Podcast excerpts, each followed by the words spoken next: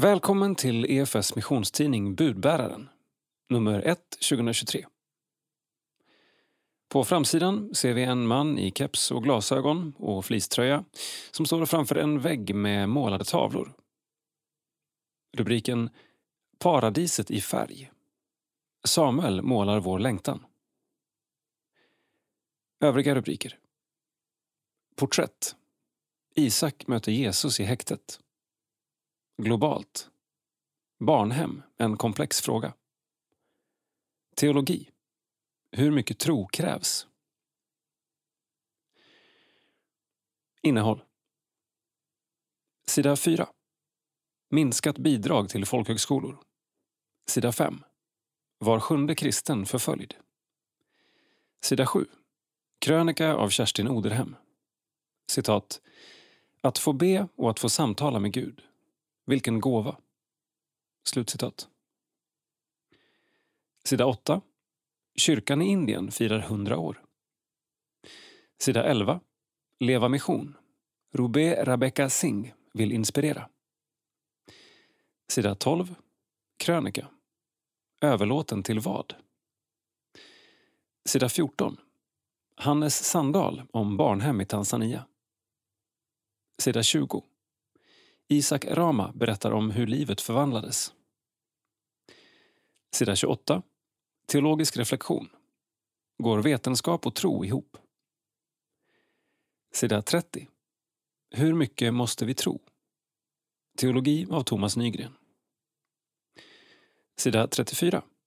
Bortom bergen. Tanzania, mitt andra hem. Sida 38. Kultur. Recensioner och boksläpp. Sida 42. Kultur. Psalm. Sida 44. Samuel Sander gestaltar sökandet efter paradiset.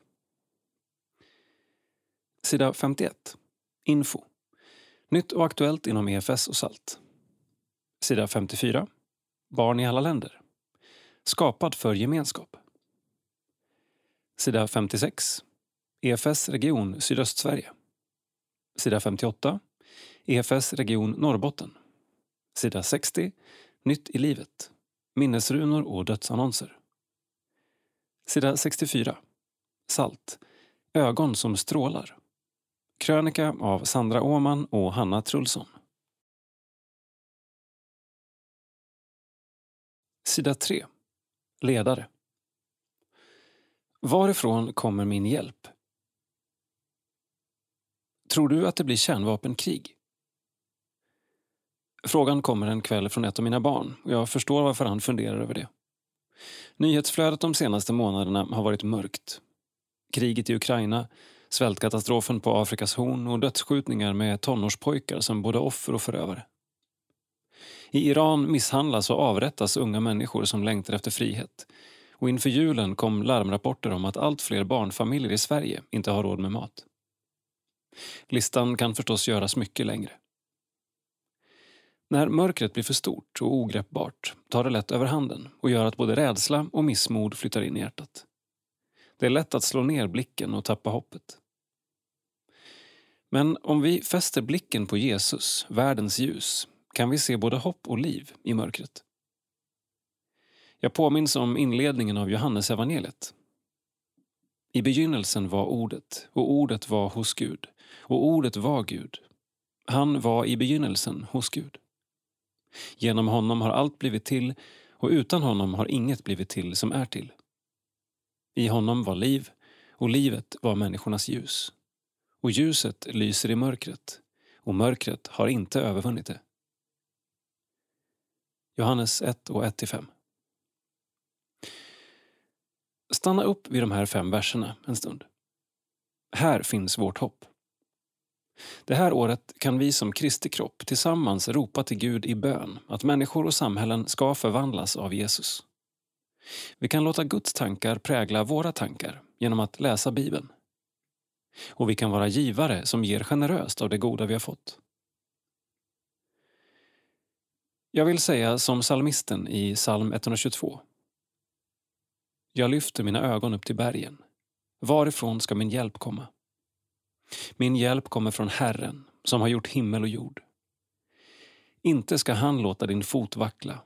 Inte slumrar han som bevarar dig. Helena Kashin, chefredaktör Budbäraren. Sida 4. Kortnytt. Folkhögskolorna drabbas av minskade bidrag. Utbildningar läggs ner när budgeten minskas med en halv miljard kronor. I regeringens budget får folkhögskolorna och studieförbunden 4,3 miljarder kronor i statligt stöd.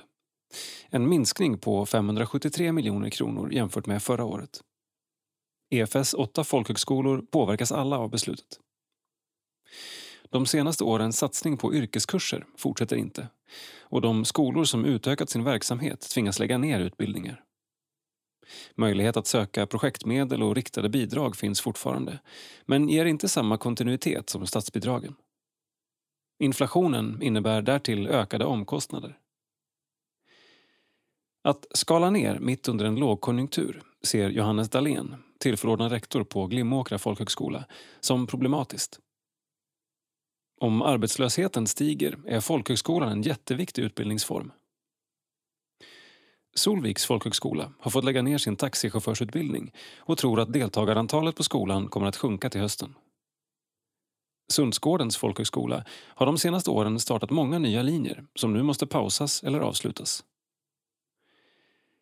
Det rör sig om utbildningar där många går vidare till högre studier eller direkt in i ett bristyrke. Att nedmontera meningsfull verksamhet som innebär betydande samhällsnytta och som stärker individen är oerhört trist säger rektor Anneli Appelskog.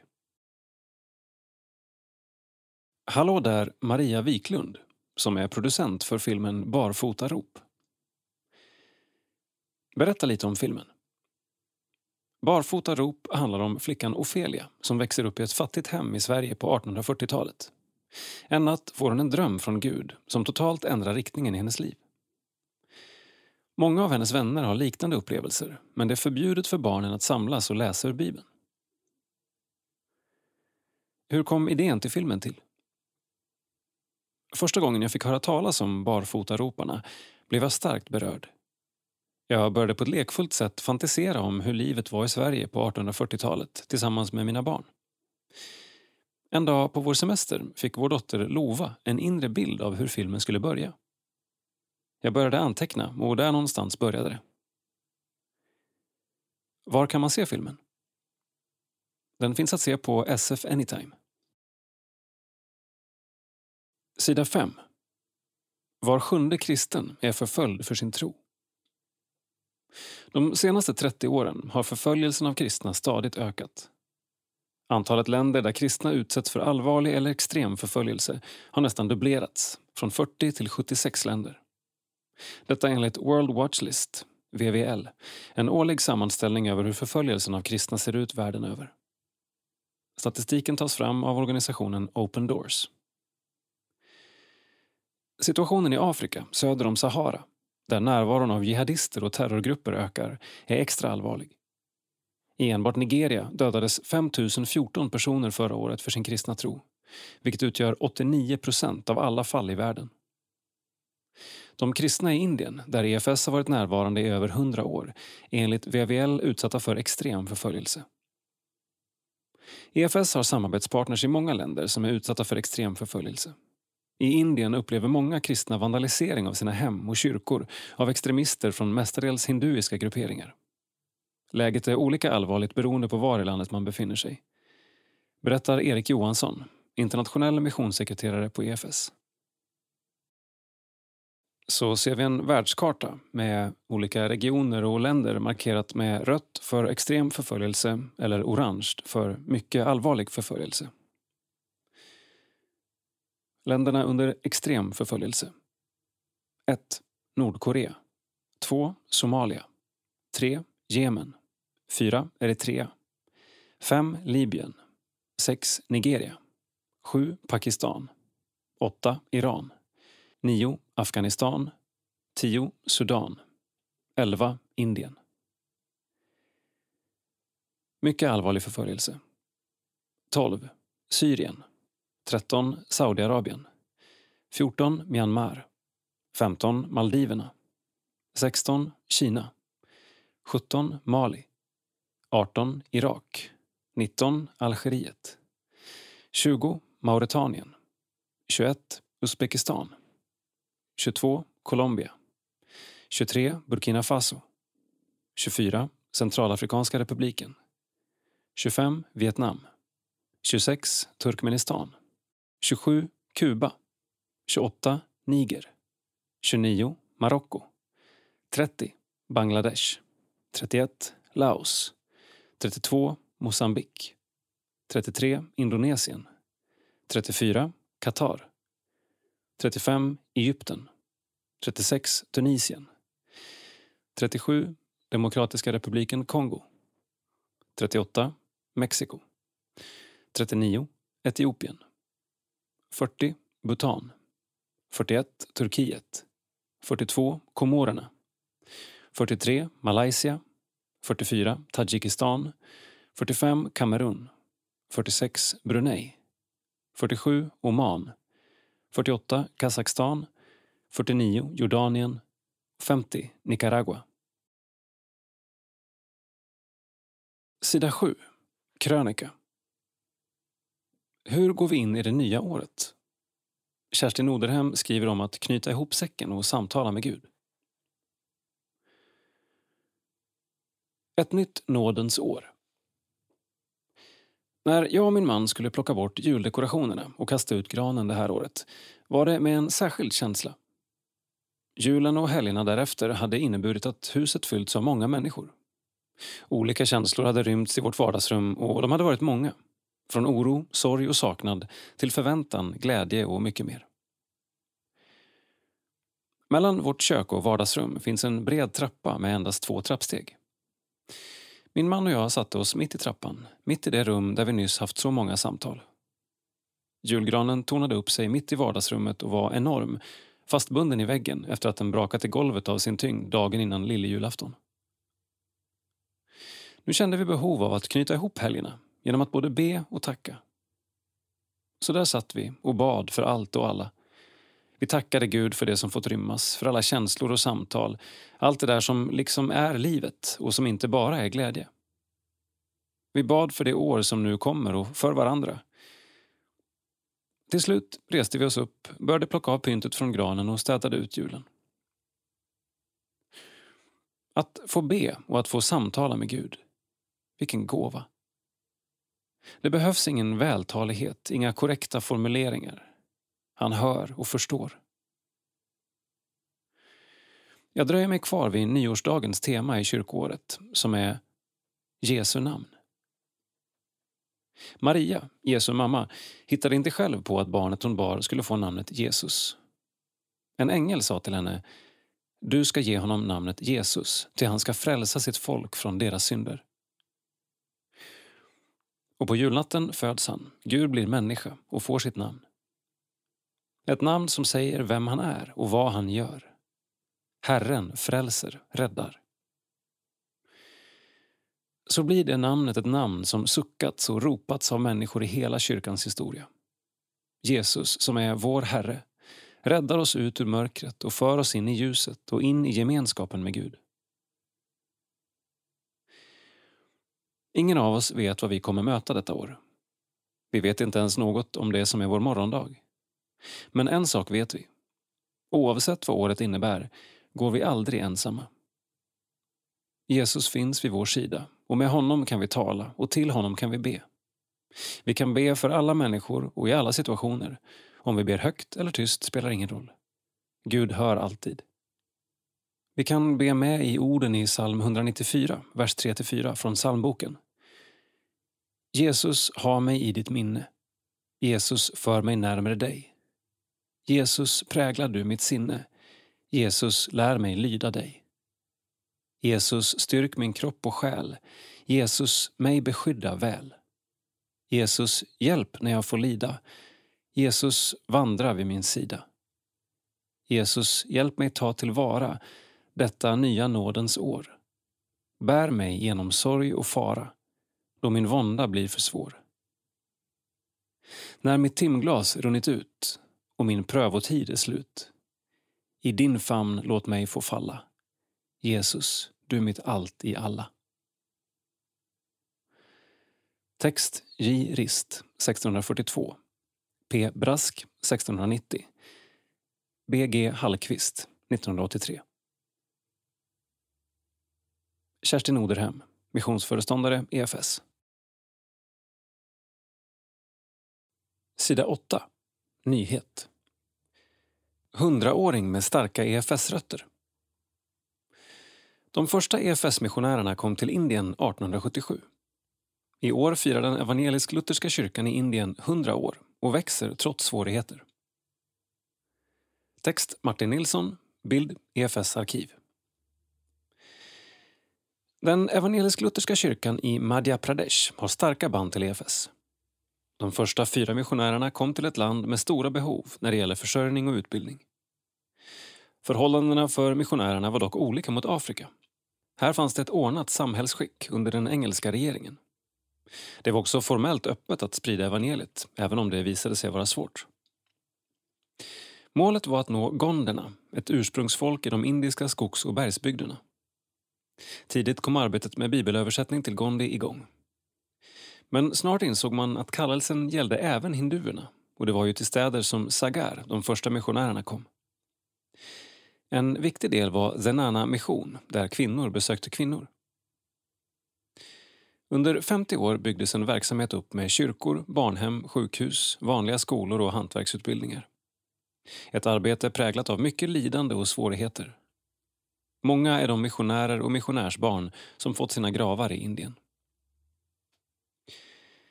Vid slutet av 1800-talet drabbades Indien av flera svåra svältkatastrofer, något som kom att påverka missionens inriktning. De svältande sökte sig till missionen och man ordnade mat för arbete-projekt som brunnsborrning, väg och husbyggen. Flera barnhem och skolor byggdes för att ta hand om föräldralösa barn. Hantverksutbildningar för både män och kvinnor ordnades, liksom jordbruksprojekt. Snart var det inte bara en kyrka, utan en rad olika institutioner. Tidigt kom behovet av sjukvård. Den första sjukstugan i Amarwara följdes av Bijuri, Seja, Kurai och Padhar. När doktor Clement Moss kom till Padhar 1958 fanns där ett litet sjukhus med två rum. 1969 hade man plats för 20 patienter och 1970 fanns 140 bäddar när det nya sjukhuset invigdes. Idag finns det över 200 bäddar och flera specialistavdelningar. Detta mitt i det område där gonderna bor. Även om EFS har haft ambitionen att en dag överlämna allt till en lokal kyrka har det varit svårt. Efter flera års överläggningar bildades den 9 februari 1923 en indisk kyrka samtidigt som missionärsorganisationen fanns kvar. Missionen hade ansvar för missionärernas löner och placeringar, för sjukvård, skolor, industri, jordbruk, barnhem. Den nya kyrkan hade ansvar för församlingarna, prästernas löner och vård av kyrkor. Kyrkan leddes av ett synodalråd bestående av en missionär, tre indier och kyrkans president. Den första presidenten var missionären P.E. Fröberg och det dröjde ända till 1949 innan Emanuel Raman valdes som första indier till kyrkans president. 1969 blev Ruben Israelsson kyrkans första biskop och 1980 efterträddes han av indien Newton Roberts Integrationen 1949 innebar att nu skulle den lokala kyrkan ta över allt ansvar.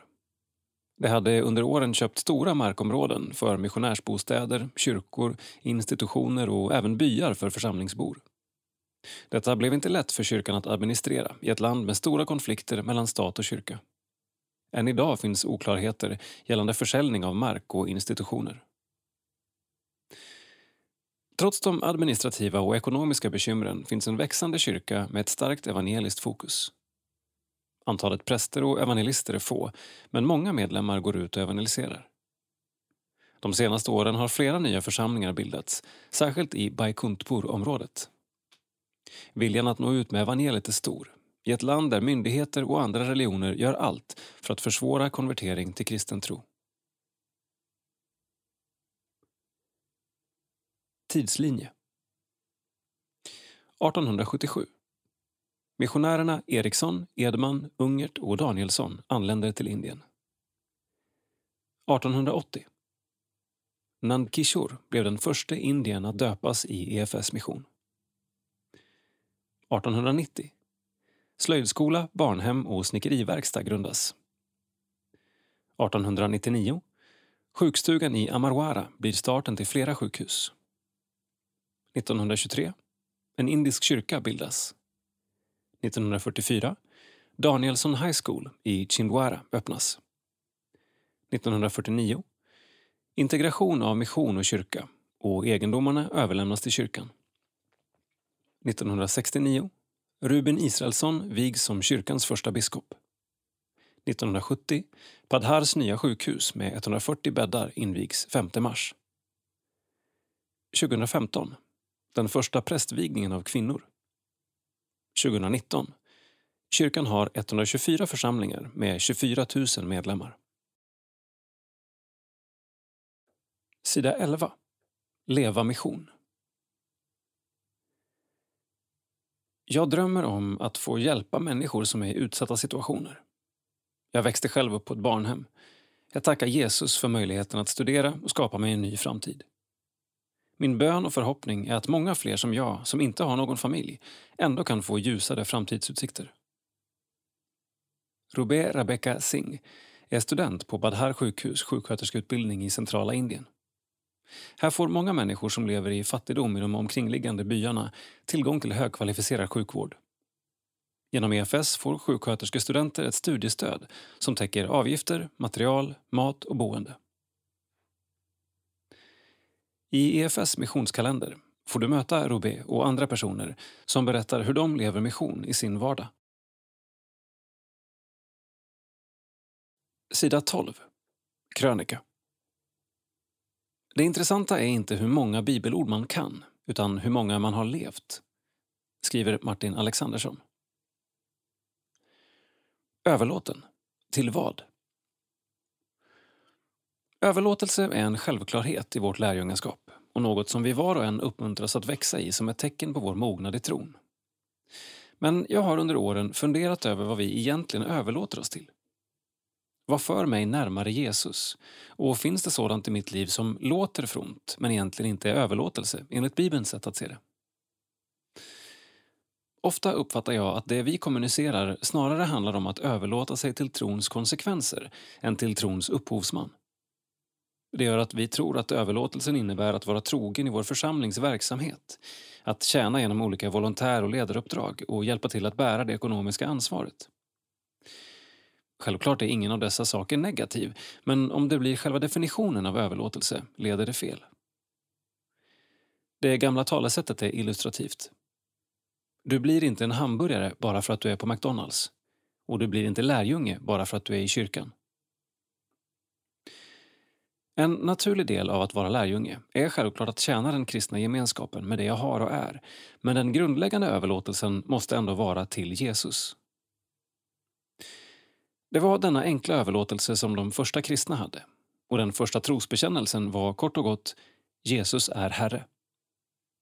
En bekännelse som säger mycket mer om vår överlåtelse och efterföljelse än vad vi kanske först uppfattar. Jag ser åtminstone två olika aspekter. Den första består i vad själva bekännelsen att Jesus är Herre innebär. Det innefattar att Jesus är den han säger att han är. Att han verkligen är Guds son som har kommit till jorden för att de som tror på honom inte ska gå under utan ha evigt liv. Johannes 3.16. Det betyder också att jag tror på hans ord. Åt mig har getts all makt i himlen och på jorden. Matteus 28 och 18. Att han är den rättmätige Herren över hela jorden. När Jesus är Herre får jag komma till honom och med Thomas säga min Herre och min Gud. Johannes 20 och 28. Inom denna del av Jesu herravälde blir också kunskapen om Jesus, hans ord och den rätta förståelsen av läran viktig. Det blir själva måttstocken vi har för en predikan, en bok eller en konferens. Lärde jag mig mer? Var det troget Bibeln? Och var det rätt läromässigt? Den andra aspekten av att Jesus är Herre är att han är den som leder mitt liv. Ibland pratar vi felaktigt om att man kan bjuda in Jesus i sitt liv, vilket är främmande för evangelierna. Det Jesus istället inbjuder oss till är att vi får komma in i hans liv. Bilderna som ges för denna process är talande.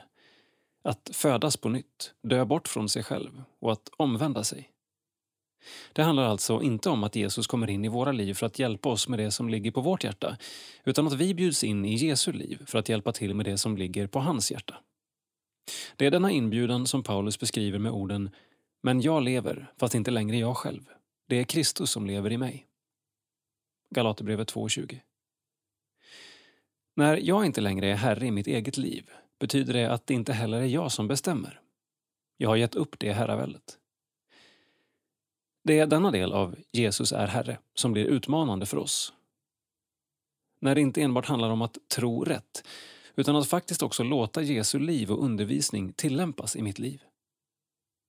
Det blir då inte fråga om hur många bibelord som jag kan utan hur många jag har levt. Överlåtelsen är alltså till Jesus och vi får sträva efter att han blir Herre över allt fler områden i våra liv. Martin Alexandersson, utvecklingskonsulent EFS. Sida 14. Globalt. Vi måste våga ställa de svåra frågorna. Hur bra är det egentligen med barnhem? Vad händer med de som växer upp på institution? Vilka är alternativen? Jag önskar att kyrkan med sitt fantastiska nätverk ännu tydligare skulle finnas där för de utsatta barnen och ge dem familjer. Säger Hannes Sandahl, EFS missionär i Tanzania. Text Magdalena Vogt, bild Samuel Sanga. Hannes var bara 24 år när han kom till Tanzania första gången. Han skulle tillbringa tre månader i Livingstonebergen och bland annat praktisera på ett barnhem i den lilla bergsbyn Bolongwa. Det han inte visste då var att de första månaderna snart skulle bli till många år och att arbetet med barnhem skulle komma att förändras drastiskt. Jag önskar att jag kunde säga att livet i Tanzania mest präglats av solskenshistorier. Men det är nog snarare sorgen och frustrationen över orättvisor som drivit mig i mitt arbete, säger Hannes. Hannes är rak. Han är varm och ödmjuk men tydlig och avskalad på samma gång. Under intervjun befinner han sig på en bilresa i norra Tanzania med ett antal kollegor från stiften i söder för att studera barnhemmens vara och icke vara. Vi har egentligen bara sex platser i bilen men vi fick in en sjunde som sitter på kylskåpet där bak, så det går bra, skrattar Hannes. Tillsammans möter gruppen organisationer som arbetar med allt från familjehem till mjölkersättningsprojekt och stöd för familjer som väljer att behålla sina barn, trots att omständigheterna är svåra. 80 procent av alla som bor på barnhem i Tanzania har minst en förälder i livet. Vi försöker kartlägga hur situationen ser ut på den lutherska kyrkans barnhem, hur många barn det handlar om, varför de är där och vilka alternativ vi kan skapa. De negativa konsekvenserna av att växa upp på institution är väl dokumenterade och lagstiftningen i Tanzania är tydlig. Det är “family first” som gäller. Barn ska i första hand få växa upp med sin, eller i alla fall en, familj. Men verkligheten är ofta en annan och den brottningskampen har följt Hannes ända sedan han landade i Bolongwa som 24-åring. Jag kom direkt att känna mycket för platsen och för barnen som bodde där. Men samtidigt väcktes många frågor redan då berättar Hannes. Efter praktiken åkte Hannes hem till Sverige igen och gifte sig med Nora. Men längtan tillbaka till Tanzania var stark och bröllopsresan gick raka spåret tillbaka till foten av Livingstonebergen. Den här gången stannade Nora och Hannes ett drygt halvår och Hannes arbetade volontärt som snickare på ett sjukhus. De fick många goda vänner i byn och en av de kollegor som Hannes minns alldeles särskilt var en småbarnsfar som hastigt förlorade sin hustru. Hannes hjälpte mannen att spika ihop kistan och begrava henne. Under åren som följde, medan Hannes studerade till socionom i Sverige, funderade han ofta över hur det gått för pappan och barnen. En dag fick han ett telefonsamtal. Den unga pappan hade just dött och barnen var nu själva. Beskedet drabbade mig väldigt hårt och kom precis när jag skulle planera för min C-uppsats på socionomprogrammet, Jag undrade var barnen skulle hamna. Jag tänkte på barnhemmet och frågorna jag haft när jag var där kom tillbaka. Hur påverkas barn av att växa upp utan föräldrar? Vad gör det med deras identitet och syn på begrepp som familj? Vad finns det för risker och vad finns det för alternativ? Hannes bestämde sig för att ägna uppsatsen åt att försöka förstå frågorna bättre. Han djupdök i facklitteratur och kritiska analyser. Men samtidigt som han fick modeller och belägg för mycket av den frustration och oro han känt redan som praktikant på barnhemmet tyckte han att forskningen saknade viktiga nyanser. Litteraturen var väldigt ensidig i sin fördömelse av barnhem och institutioner men verkligheten är ju komplex och situationen på landsbygden i Tanzania är svår. Det finns inga enkla lösningar, fortsätter Hannes. Efter studierna bestämde sig Sandals för att återvända till Bologna och 2014 sändes de ut av EFS tillsammans med sina två barn. Eftersom missionären, som tidigare arbetat med barnhemmet, precis avlidit blev det naturligt för Hannes och Nora att axla en del av ansvaret. Men Hannes kände sig kluven. Det var lite skräckblandat, skrattar Hannes. Under tre års tid fungerade han som bollplank för stiftet och de lyckades återförena många av barnen med sina ursprungsfamiljer. I flera fall gick det bra, men några av barnen fick tyvärr omhändertas igen. Vi trodde att vi hade gjort grundliga utredningar av deras hemförhållanden men detta är oerhört komplicerat och det är viktigt att inte ha för bråttom. Även efter att familjen Sandahl lämnade Bolongwa och flyttade till Iringa har Hannes fortsatt i en rådgivande roll. Barnhemmet finns fortfarande kvar, men med betydligt färre barn.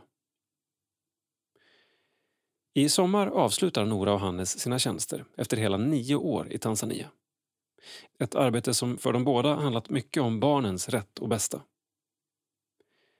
De har också hunnit få fyra egna barn. Det har varit lärorika och omvälvande år. Jag är så tacksam för allt det vi fått vara med och se och göra. Men det vi fått bidra med står sig ändå ganska slätt i jämförelse med det vi själva fått ta emot.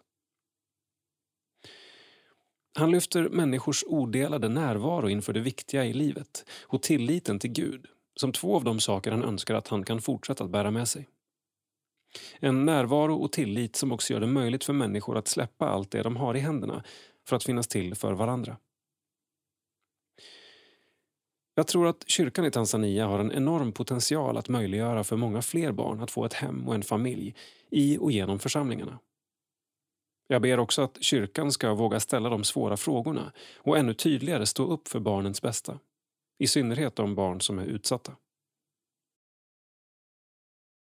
Vi ser en bild på Hannes tillsammans med två andra män och en kvinna gående på en grusväg med texten Hannes Sandahl tillsammans med kollegorna Brown Emanuel, Ayubo Luilla och Violet Chaula i bakgrunden. Resan ingår i projektet Ur askan i elden där EFS fått stöd av Childhood och Erikshjälpen för att studera barnhemmens vara och icke-vara. Sida 20. Porträtt. Med nya ögon. Isak Rama såg Jesus sitta framför sig i cellen på häktet. Upplevelsen omkullkastade allt. Missbruket, våldet och otryggheten. Och blev startskottet till att lära om det han dittills lärt sig om livet. Text och bild Elin Kärrev Svensson. Att Isak Rama är uppvuxen i Dalarna hörs så fort han öppnar munnen. Familjen bodde i den lilla orten Smedjebacken och trots att miljön på många vis var destruktiv var Isak ett lugnt och harmoniskt barn som älskade naturen, fiskade och ofta lekte med insekter. När hans föräldrar skilde sig bodde Isak och hans äldre bröder tillsammans med sin mamma och tillbringade varannan helg hos sin pappa. Jag kommer från en trasslig familj med mycket missbruk och kriminalitet. Men som barn förstod jag inte misären som omgav mig. Det var generellt mycket våld i byn. Om en man blev kränkt av en annan skulle han brutalt misshandla honom. Jag tyckte det var obehagligt, men trodde det var så det var. När Isak var åtta år valde han att bo med sin pappa som då flyttat till Trelleborg. Föräldrarnas relation var inte den bästa, vilket påverkade Isak. Då gick jag från att vara skötsam till att vara väldigt strulig jag bråkade och slogs, både i skolan och på fritiden. Jag tyckte om att elda och leka med tändstickor och det låter sjukt, men jag råkade elda upp ett hus. Jag sköt iväg en tändsticka in i ett stort sophus på skolan och när jag gått därifrån satte den fyr på hela huset. Då fick jag flytta tillbaka till Dalarna. Det var en mer våldsam pojke som återvände till Smedjebacken. Samtidigt började han snatta i affärer och när han var tio år stal han sin styvfars bil för första gången. Mamma var inte hemma och hennes man hade somnat i soffan. Jag tog hans bilnyckel och körde på ettans växel genom hela byn. När jag skulle parkera flög bilen rakt in i ett träd bredvid parkeringen.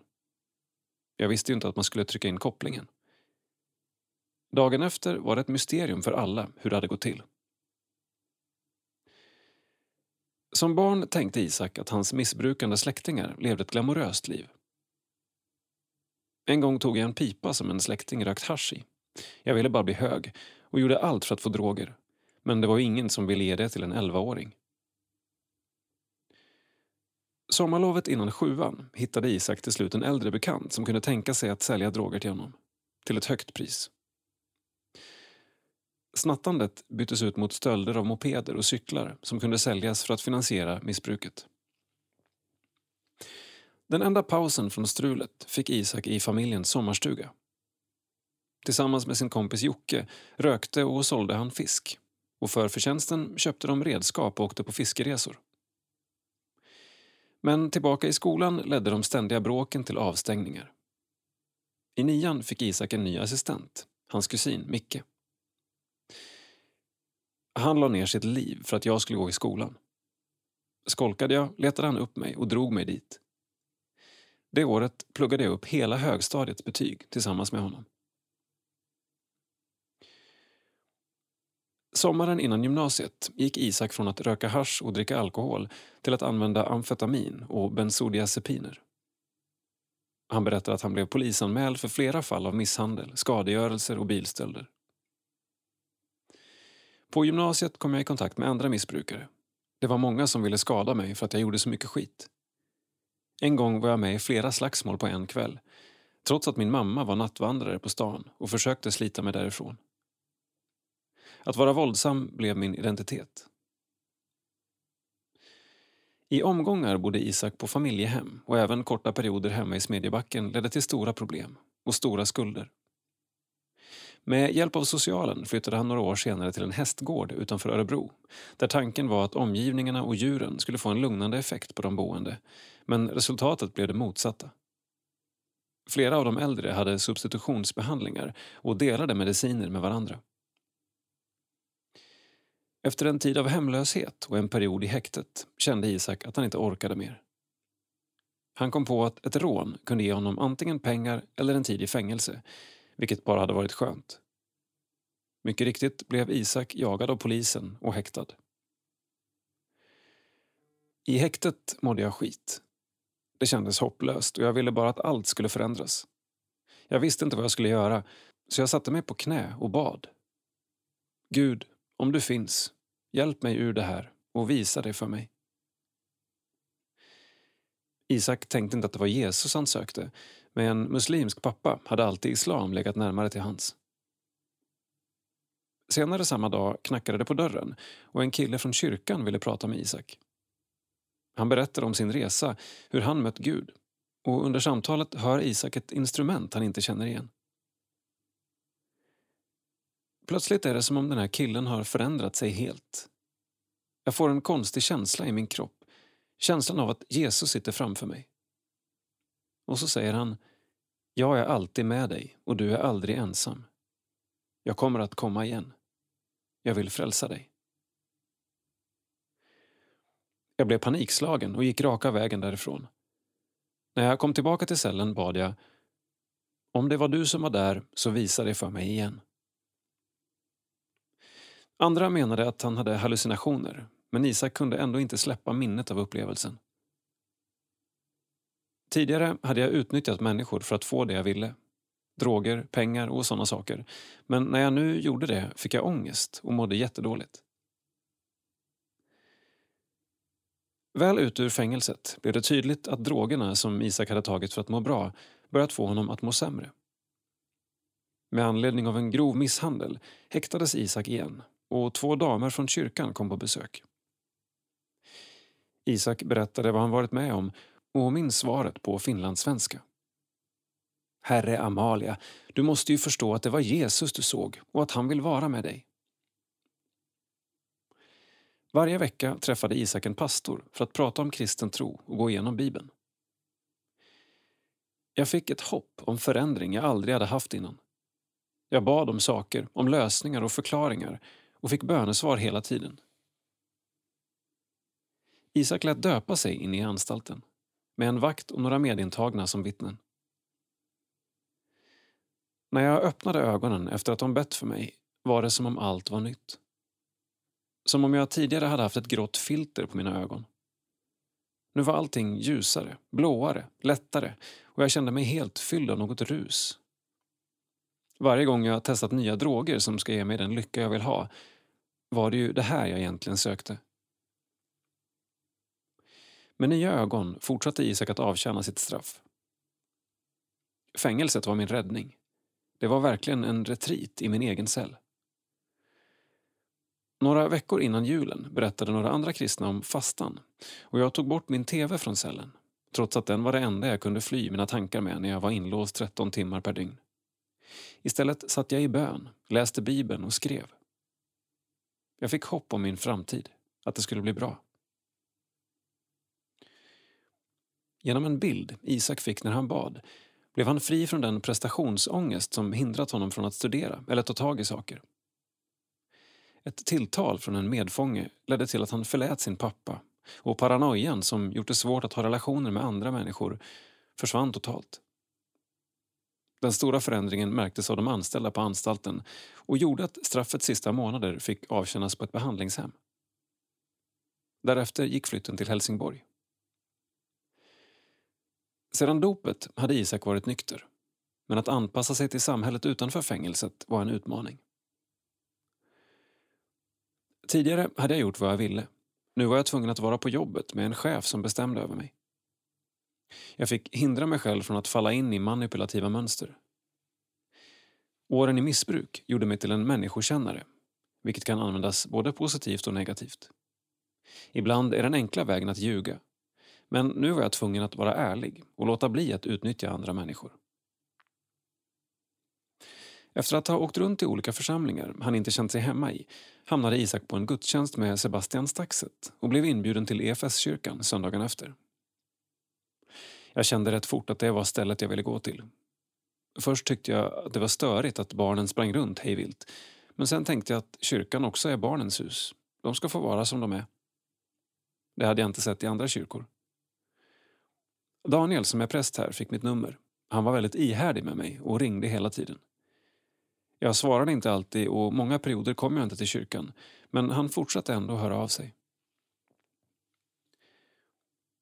Under samma tid fanns det delar av livet som var destruktiva. Det påverkade min tro på Gud och jag blev inte så klartänkt, blev osams med många. Då fick jag väldigt mycket stöd från kyrkan och beslutade mig för att släppa allt och bara fokusera på Gud. Isaks sociala mönster förändrades successivt. I kyrkan fick jag vänner som inte hade levt i missbruk och vi byggde vår gemenskap på tron på Gud. Nu har jag ett tryggt nätverk runt mig och är oerhört tacksam att jag har människor jag kan lita på. Tidigare släppte jag inte in sådana människor i mitt liv för att jag kände mig så utanför. I fängelset var Isak arg på Gud över sin uppväxt och hur livet blev. Men ilskan har inte bestått. Jag är inte glad att jag har levt det livet, men är glad över den kunskapen jag har. Igenkänning är inget man kan plugga sig till. Isak är inne på sista momentet i utbildningen till behandlingspedagog, vilket han redan nu jobbar som. Och det händer ofta att han på väg hem från kyrkan möter gamla vänner i aktivt missbruk som behöver höra om Gud. Om jag inte hade gått med Gud hade jag aldrig orkat göra det jag gör. Jag behöver egentligen inget mer i mitt liv. Jag skulle kunna leva som nu livet ut och fortfarande vara jättetacksam. Men jag vill leva i mission. Jag har fått ett fantastiskt liv som jag aldrig kunde tänka mig. Det vill jag dela med mig av till andra människor. Isak Rama Ålder 29 år. Bor Röstånga. Familj Pappa, styvmor, bröder och fästmö. Sysselsättning Behandlingspedagog. Sida 28. Teologisk reflektion. Går vetenskap och tro ihop? Marie Larsson reder ut varför tanken om att kristen tro och vetenskap inte går att kombinera är en seglivad myt. Text Marie Larsson. Illustration Benjamin Kruse. Så du tror på Gud?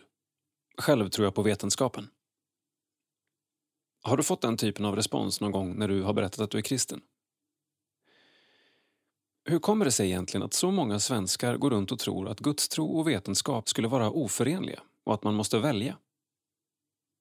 År 2022 lever många i Sverige fortfarande kvar med myten om att dessa två står i konflikt med varandra. En myt som har rötter ända tillbaka till upplysningstiden. Många vetenskapshistoriker menar att själva föreställningen om naturens lagbundenhet hämtades från kristen teologi och utgjorde under tidig medeltid en viktig grund till det som skulle komma att utvecklas till modern vetenskap. Kepler och Newton, som båda har betytt mycket för den moderna vetenskapens framväxt, var båda starkt troende och de såg naturlagarna som ett Guds verk. Under upplysningstiden började dock vetenskapliga förklaringar ersätta det som människor ofta gett religiösa förklaringar och uppfattningen började spridas att vetenskapen snart skulle komma att knuffa ut Gud ur bilden. År 1896 skrev Andrew Dixon White boken A History of the Warfare of Science with Theology in Christendom vilken kom att få en enorm betydelse för att skapa myten om att kristendomen hade förtryckt vetenskapen genom tiderna. Bilden av rationalitet och vetenskap i kontrast till kristen tro ettade sig även fast i svensk kultur så småningom. Bland annat genom Ingemar Hedenius bok Tro och vetande som publicerades 1949. Lyckades då det stora upplysningsprojektet och räcker vetenskapen som förklaringsmodell för människans existentiella frågor? Tveksamt. De olika vetenskapliga metoderna är byggda för att undersöka just regelbundenheter i skapelsen och för att kartlägga fenomen i samhället. Den är alltså inte byggd för att svara på frågor som vad är rätt och fel? Finns det ens en objektiv moral? Vad är meningen med livet? Vad eller vem orsakade universum? Finns det ett objektivt människovärde och vad skulle det vara grundat i i så fall? Vad händer när vi dör? Vetenskapen kan därmed inte svara på den typen av frågor. Den ger oss till exempel inte värderingar. Våra värderingar grundar sig istället i vår världsbild.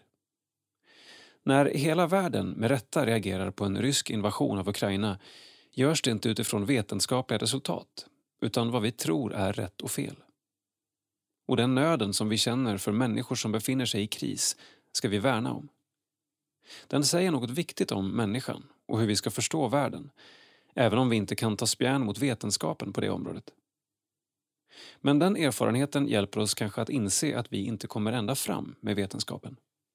Vi behöver alltså världsbilder för att navigera oss fram i de existentiella frågorna och frågor som rör värde. Men vilken funktion fyller då vetenskapen? Jo, den hjälper oss att svara på viktiga frågor som bland annat hur är DNA uppbyggt? Eller hur ser människans biologi ut? Att som kristen ägna sig åt forskning och föra vetenskapen framåt är helt i linje med det förvaltaruppdrag som vi kan läsa om redan i Första Moseboken 1. Gud ville att vi skulle uppfylla jorden och lägga den under oss. Därför behövs det många Jesu efterföljare även i den akademiska världen som ärar Gud genom att fortsätta undersöka och förstå mer av den fantastiska skapelse han har gett oss som gåva att förvalta. Även om vi som är kristna i Sverige behöver navigera oss fram i en akademisk värld som präglas av en sekulärhumanistisk världsbild behöver vi fortsätta vara med och göra det som är gott genom att bidra med viktig forskning. De stora existentiella frågorna som rör moral, mening och människans ursprung ställs istället på en metafysisk nivå. Det är på den nivån världsbilder, inte vetenskapliga teorier, kan utgöra förklaringsmodeller. Det är här den kristna världsbilden har visat sin enorma potential och rikedom genom att realistiskt och hoppfullt kasta ljus över den komplexa värld vi lever i. samtidigt som den tar vetenskapens beskrivningar på allvar ger den svar på tillvarons djupa frågor. Vi får alltså lov att hålla vetenskapen högt eftersom Gud är sanningens Gud och vi är kallade att välkomna sanning i vilken form den än framträder. Vi kan vila i att Gud har makt att gå utanför de naturlagar han själv har satt upp och genomföra mirakel på de mest oväntade sätt. Det betyder att kärnan i den konflikt som många kan uppleva mellan gudstro och vetenskap inte finns där egentligen. Och Gud är den som ytterst sett kan ge oss svaren på livets största frågor och mätta vår djupaste hunger. Herre, till vem skulle vi gå? Du har det eviga livets ord. Johannes evangeliet 6 och 68. Sida 30. Teologi. Hur mycket tro krävs? Thomas Nygren fördjupar sig i den återkommande frågan hur mycket måste man egentligen tro för att bli räddad? Text Thomas Nygren, illustration Benjamin Kruse. Mer än en gång har jag fått frågan vad och hur mycket man måste tro för att bli räddad. Måste man skriva under på hela trosbekännelsen? Eller räcker det med en mindre del? Vilken del i så fall? Ja, hur mycket måste man veta för att bli räddad? Så fort man börjar tänka i de banorna kommer följdfrågor som människan med intellektuella funktionshinder som knappt har någon kognitiv förmåga alls. Hur ska det då gå för henne? Det lilla barnet? Den som missförstått budskapet eller fått en dålig framställning av det? När frågan hur mycket ställs uppstår någonstans en besvärlig gräns att hantera. Tänk om en person tror precis under gränsen. Jämför henne med en person som har en tro med, låt oss säga, 2% mer korrekt innehåll och som därför blir räddad. Den brittiske religionsfilosofen Paul Helm uppehåller sig vid denna typ av frågor i en av sina många artiklar. Han menar att frågan “hur mycket måste man tro?” leder tanken fel. Man hamnar i tanken att tron blir något jag som människa ska bidra med. Gud bidrar med den grundläggande räddningsgärningen och jag bidrar med en tillräcklig och rätt tro. Ett annat sätt att uttrycka samma sak är att frågeställningen blir fel för att de svar som naturligt följer förutsätter att vi blir rättfärdiggjorda av tro. Därmed framställs tron som mitt mänskliga bidrag, min gärning, och det kanske är så vi i praktiken ofta uppfattar den. Reformatorerna talade däremot om att vi blir rättfärdiggjorda av nåd, genom tro. Prepositioner kan vara viktiga. Av tro och genom tro är inte samma sak. Helm, som ansluter sig till en reformatorisk förståelse av tron, säger att det bara är Guds nåd i Jesus Kristus som räddar. När han utvecklar det säger han att Guds nåd är Jesus Kristus. Den enda punkt där Gud låter sig anropas för frälsning är genom Jesus Kristus. För Jesus är den som åstadkommit frälsningen. Det betyder, säger Helm, att vi blir räddade genom att referera till Jesus, genom att vända oss till honom och inte genom kunskap om honom. Den frälsande tron ska alltså mer ses som en riktning än ett kunskapsinnehåll. Vänder jag mig till Jesus och ber om hjälp har jag vänt mig till Gud där han låter sig åberopas. Då behöver jag inte veta mycket om Jesus. Helm säger att det till och med skulle kunna vara så att en människa som inte alls känner Jesu namn kan bli räddad när hon ropar på Guds barmhärtighet, Guds nåd. För Guds barmhärtighet är Jesus Kristus. Om vi tänker vidare. 1. Innebär detta att alla blir frälsta? Nej, tyvärr inte, eftersom vi människor, vare sig vi kallar oss troende eller inte, ofta snarare försöker köpslå med Gud än att ropa på hans nåd i utsatta situationer. Gud, om du räddar mig ur denna svåra situation ska jag och så lovar vi att ge något till Gud mot att han räddar oss. Vi gör dessvärre hellre affärer med Gud än ropar på nåden. 2. Vad innebär det om vår kunskap om vilka som blir räddade? Det innebär att vi får vara mycket ödmjuka inför varje människas eviga väl. Vi vet inte vilka som högt eller tyst åberopat Guds nåd inför sitt inträde i evigheten. 3. Vad innebär Helms tankar för missionens och vittnesbördets sak? Slutsatsen är inte att vi ska sluta dela med oss av vår tro. Får en människa kunskap om att Guds nåd finns tillgänglig i Jesus Kristus ökar chansen att hon vänder sig till honom. Det är ett budskap som skapar tro. 4. Betyder Helms resonemang att trons innehåll är mindre viktigt? Nej, även om det är Jesus som räddar och inte vår kunskap behöver vi kunskap för att befästas och fördjupas i vår relation med Jesus Kristus. Vi behöver kunskap för att kunna leva ett trovärdigt liv som Jesu lärjungar. Vi behöver också kunskap för att kunna tala om honom med andra. Har Helm då rätt i sitt sätt att tänka?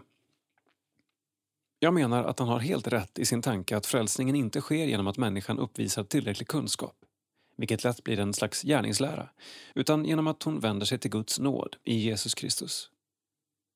Efesierbrevet 2.8 säger Ty av nåd är ni frälsta genom tron, inte av er själva. Guds gåva är det. När det gäller Helms tankar när han drar ut dem till att säga att det är nog för frälsning att ropa på Guds nåd, även när man inte har en aning om att det är Jesus Kristus som är Guds nåd, menar jag att han går längre än vad bibelmaterialet ger oss möjlighet att med säkerhet påstå. Samtidigt tänker jag att hans resonemang är fullt möjligt att förena med Bibelns budskap om frälsning av nåd genom tro på Jesus Kristus. Det ger mig en möjlighet att hålla fast vid Bibelns exklusiva budskap om frälsning i Jesus Kristus utan att behöva bli fyrkantig i mitt resonemang om vad som händer med alla som inte fått höra budskapet ordentligt. Jag konstaterar till sist med Helm att rubrikens fråga “Hur mycket måste man tro?” är felställd. Den sätter fokus på mig, min tro och dess storlek, när det är trons föremål, Jesus Kristus, som räddar. Sida 34. Bortom bergen. Efter praktiken i Tanzania berättar Anton Renström, 25 år, bland annat om Dodoma stifts arbete med barnkonventionen och den omvälvande glädjen i gudstjänsterna. Text och bild Anton Renström. Tanzania blev mitt andra hem. För ett eller två år sedan hade jag inte kunnat tro att Dodoma skulle bli mitt hem under fyra månader som EFS-praktikant. Men så blev det och jag är övertygad om att det var Guds vilja att jag skulle hit. Först och främst vill jag berätta att jag har trivts enormt. För mig har det varit en befrielse att komma bort från ett stressat och individualistiskt land.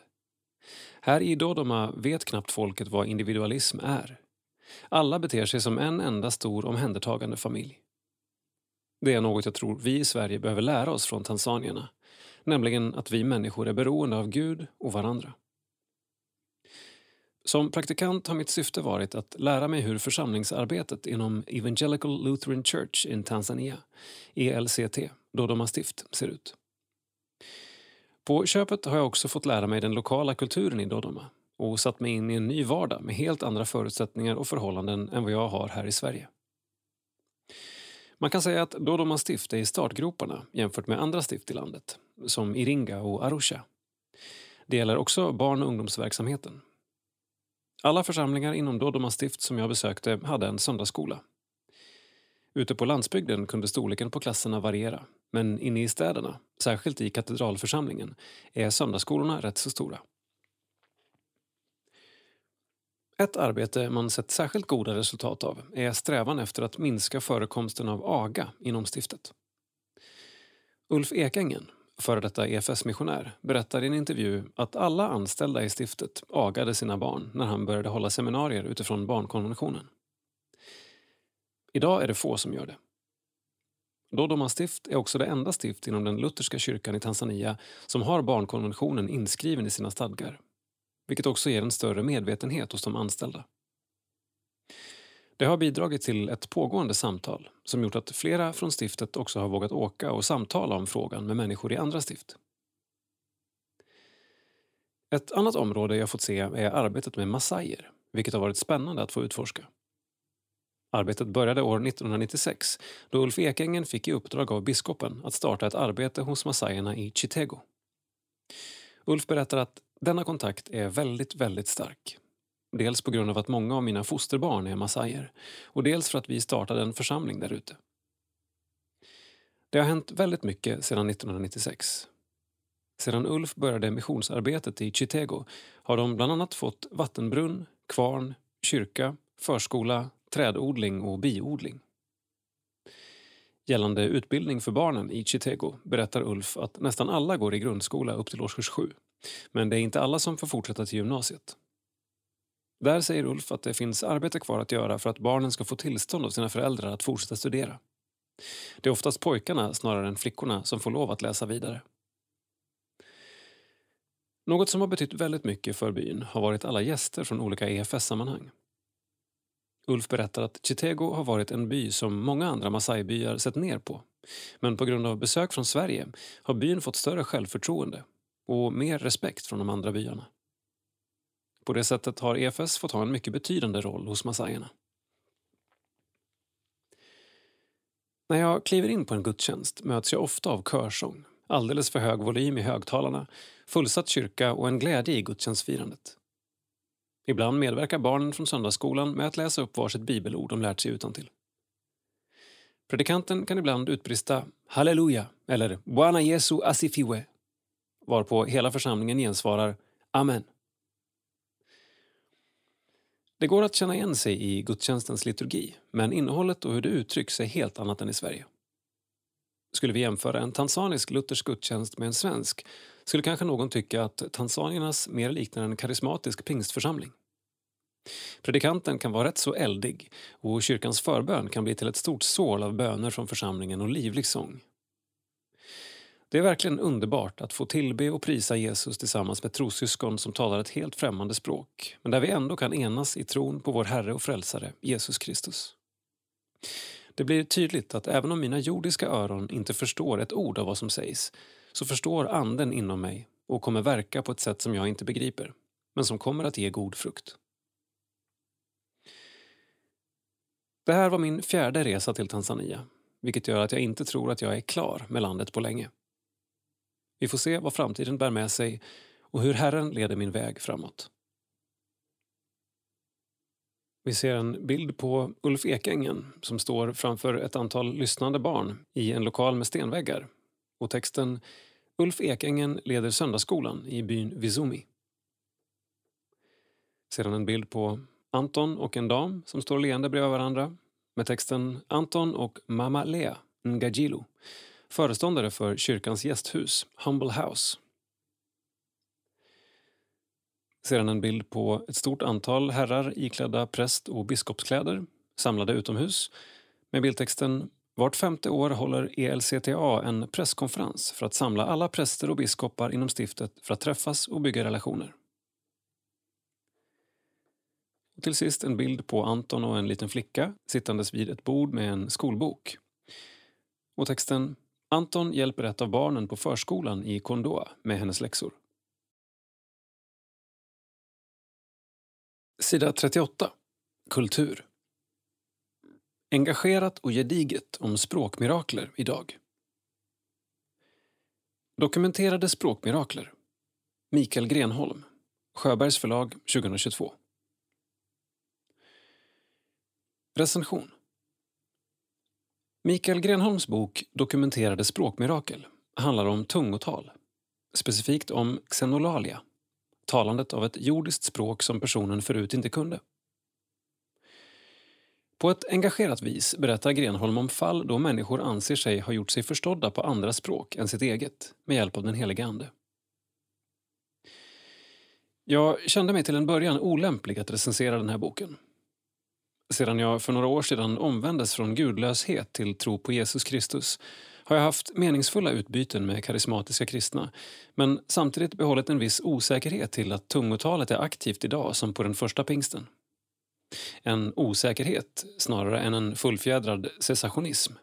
Tron att tungotal hörde till den första apostoliska tiden i kyrkan men att det sedan avtagit. Lyckligtvis är det oss skeptiker som Grenholm vänder sig till. Genom sin bok manar han oss till att öppna oss för Guds aktivitet idag och skildrar över 80 rapporterade fall där människor med den helige Andes hjälp kunnat tala ett annat jordiskt språk än sitt eget. Ofta handlar det om att ge ett budskap till någon men det har också hänt att människor utrustats med språk i missionssyfte och till och med lärt sig det fullt ut. Grenholm skriver engagerat och med stor empati för de berörda människorna. En stark berättelse berör en kvinna som räddas från att ta sitt liv efter att Gud talar till henne genom ett språkmirakel. Grenholm har också gjort gedigen efterforskning och i många fall har han själv utfört intervjuer. Jag har dock fortfarande frågor, inte om huruvida Gud gör under, utan om karismatisk teologi. Hur bemöter man någon med en påstådd gåva eller ett påstått tilltal från Gud? Ska det, om man tror det, anses bindande, som Guds ord? Hur urskiljer kyrkan vad som är av Gud och vad som är av ondo för att undvika att missbruka Herrens namn? Sådana frågor är fortfarande aktiva hos mig efter läsningen. Dessutom blev jag förvirrad av Grenholms redogörelse av tungotalets historia.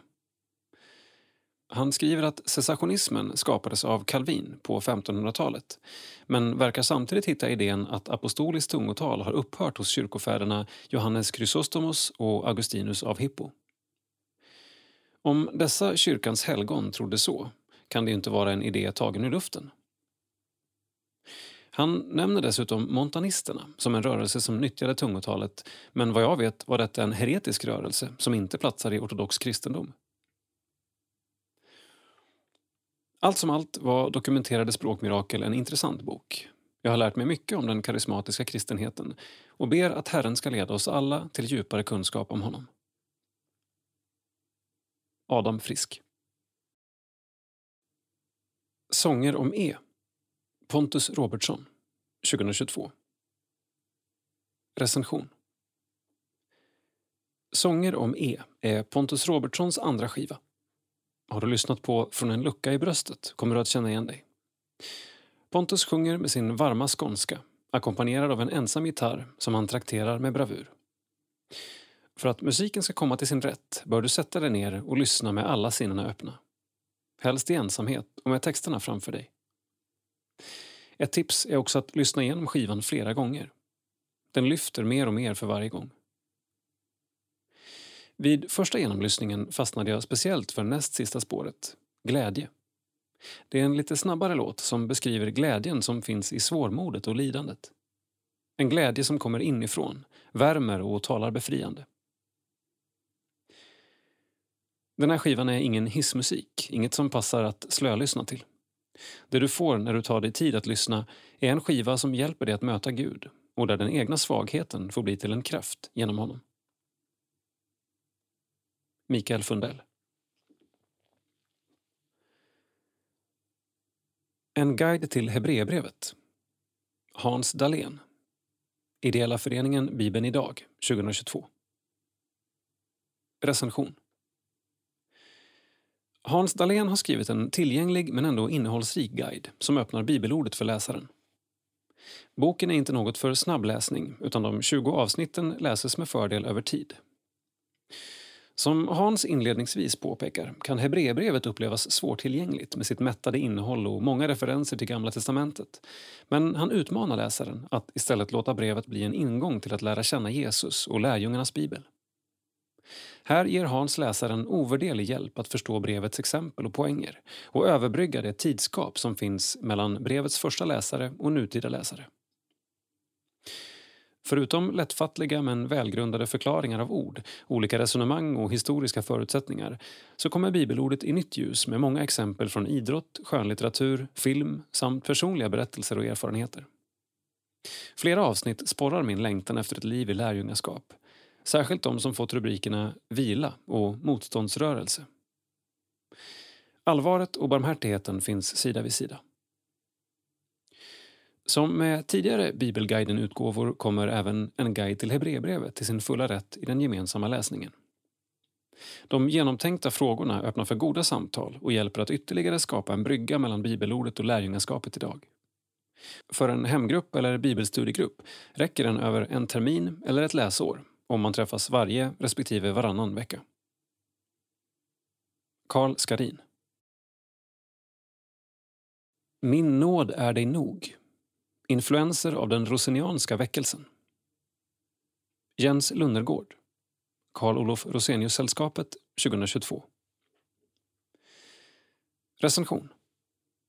Rosenius är för många sedd som en enkel lekman från 1800-talet. Att få ett bokomslag prytt med kungligheter och kulturpersonligheter från svenskt kulturarv visar att Rosenius var något mer än detta. Rosenius influerade sin tid på ett sätt som ingen svensk kristen förkunnare vare sig före eller efter honom har gjort. Dessutom sträcker sig hans inflytande in i vår tid och troligen långt in i framtiden. Med detta sagt är boken i huvudsak sammanfattad. Men Jens Lunnergård har lyckats göra något mer än att bara visa på Rosenius inflytande ur ett historiskt perspektiv. Han lyckas även förmedla hur Rosenius förkunnelse förvandlat människor, inte bara i sin egen tid, utan även personer i vår tid. Vi får även veta vilka specifika Rosenius-ord som gripit tag i dem, vilket är en av bokens stora förtjänster. Dessa ord griper tag och berör även mig som läser boken. Hur kan det komma sig? Jo, därför att texterna förkunnar Guds ord med det personliga, innerliga, varma tilltalet som kännetecknar Rosenius. Boken är lättläst och fylld av ett imponerande persongalleri. Från kungligheter till helt vanliga människor, från igår till idag. Vill du veta hur Rosenius har påverkat världen? Ja, inte bara Sverige. Och vad Kristi verk betyder för dig personligen, här och nu? Då kan denna bok verkligen rekommenderas. Gunnar Lövgren Från skapelse till nyskapelse. Tio röda trådar genom Bibelns stora berättelse. Jonas Nordén. Ideella föreningen Bibeln idag, 2022. Recension. Jag läser Jonas Nordéns bok djupt nedsjunken i fåtöljen i ljuset av en kamins dansande lågor. Kanske inte en mysbok i vinterns bistra kyla, tänker du. Men detta är en bok som både förvånar och väcker känslor. Ja, till och med värmer själen lite. Författaren nystar upp tio röda trådar som han upptäckt i Bibeln. Bland annat livet, avkomman, brudgummen, trädet och staden. Varje kapitel inleds med en koppling till vardagen och lyfter sedan fram bibelverser från tidens begynnelse till dess slut. Från skapelse till nyskapelse. Syftet är att visa på Bibelns stora berättelse. Jag måste säga att Jonas gör det med bravur. En del teman är mer kända, men några trådar överraskar, vilket gör boken mycket läsvärd. Flera gånger påminns jag om vilket mästerverk Bibeln är och att ingen enskild människa kan stå för detta verk. Boken kan varmt rekommenderas som uppbyggelselitteratur för det andliga livet. Peter Kashin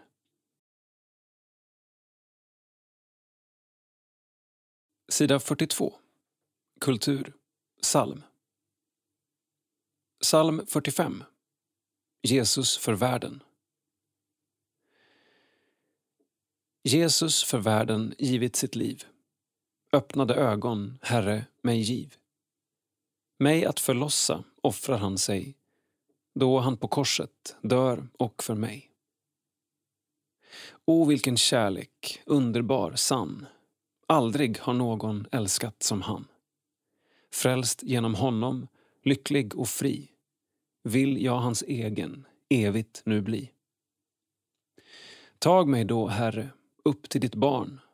Lös mig från alla frestarens garn. Lär mig att leva, leva för dig. Glad i din kärlek, offrande mig. Varje del av kyrkoåret har sina sånger. Det finns inte så många nya salmer om försoningen och Jesu död så i fastetiden väljer vi ofta några klassiker istället. En av de mest sjungna är fortfarande Lina Sandells psalm Jesus för världen. Lina Sandells sånger är märkligt slitstarka. Om än en del formuleringar naturligt nog är ålderdomliga, som “mig att förlossa offrar han sig”, är hennes texter ändå ofta lätta att ta till sig och förstå. Det beror nog bland annat på att hon skrev mycket för barn, både sånger och berättelser. Så var det också med Jesus för världen som skrevs 1888 till Stockholms söndagsskolförenings sångbok. Därefter togs den med i EFS Sionstoner och även i den gamla psalmboken från 1937. Melodin fanns sedan tidigare. Den var skriven av skolkantorn F.A. Ekström och passade perfekt till Linas text. Denna psalm kom till kort efter den stora försoningsstriden i Sverige som inte minst påverkade EFS och Svenska kyrkan. Här är inte utrymme för att beskriva denna teologiska strid men Lina höll fast vid den så kallade objektiva försoningsläran i Luthers och Rosenius efterföljd. Jag tycker att hennes psalm är suverän i sin enkelhet. På bara tolv rader beskriver Lina försoningen, talar om Guds stora kärlek och ber en överlåtelsebön. Det är verkligen koncentrerad teologi. På korset ger Jesus sitt liv för världen och det gäller också mig personligen. Och för mig. Där ser vi även allra tydligast Jesu stora kärlek till oss. Aldrig har någon älskat som han. Sist går salmen över till vårt gensvar. Lär mig att leva, leva för dig. Flera av Lina Sandells sånger är böner. Ännu fler slutar med en bönevers. Till exempel Blott en dag. I Jesus för världen ber Lina om att få tillhöra Jesus. Hon börjar med barnets bön om att få tas upp i Guds famn och avslutar med att be om att få tjäna honom. Det kan låta strängt att vi ska offra oss för Gud, men den avslutande raden är genial. Glad i din kärlek. Det är så vi får tjäna Gud. Sida 44. Kultur. Porträtt. Tillbaka till paradiset. Samuel Sander är konstnären som inte väjer för de svåra frågorna. Med hjälp av akvarell, olja och akrylpennor målat på mestadels trä vill han gestalta människans sökande efter en förlorad värld full av färg och medmänsklighet. Text och bild Lovisa Lo Fundell. Samuel Sander är en målare, tecknare och skulptör som arbetar i den narrativa traditionen. En Google-sökning avslöjar att narrativ konst ska innehålla tre saker. Brist, som behöver åtgärdas, transformation, en pågående förändring och begär, önskan om att nå målet. Samuel skrattar till och nickar jakande när jag läser upp definitionen av konstformen som fyller hans ateljé. Väggarna är fulla av tavlor från hans senaste projekt Garden State som leker med tanken på det ursprungliga paradiset som en stat eller tillstånd som människan fått lämna för ödemarken.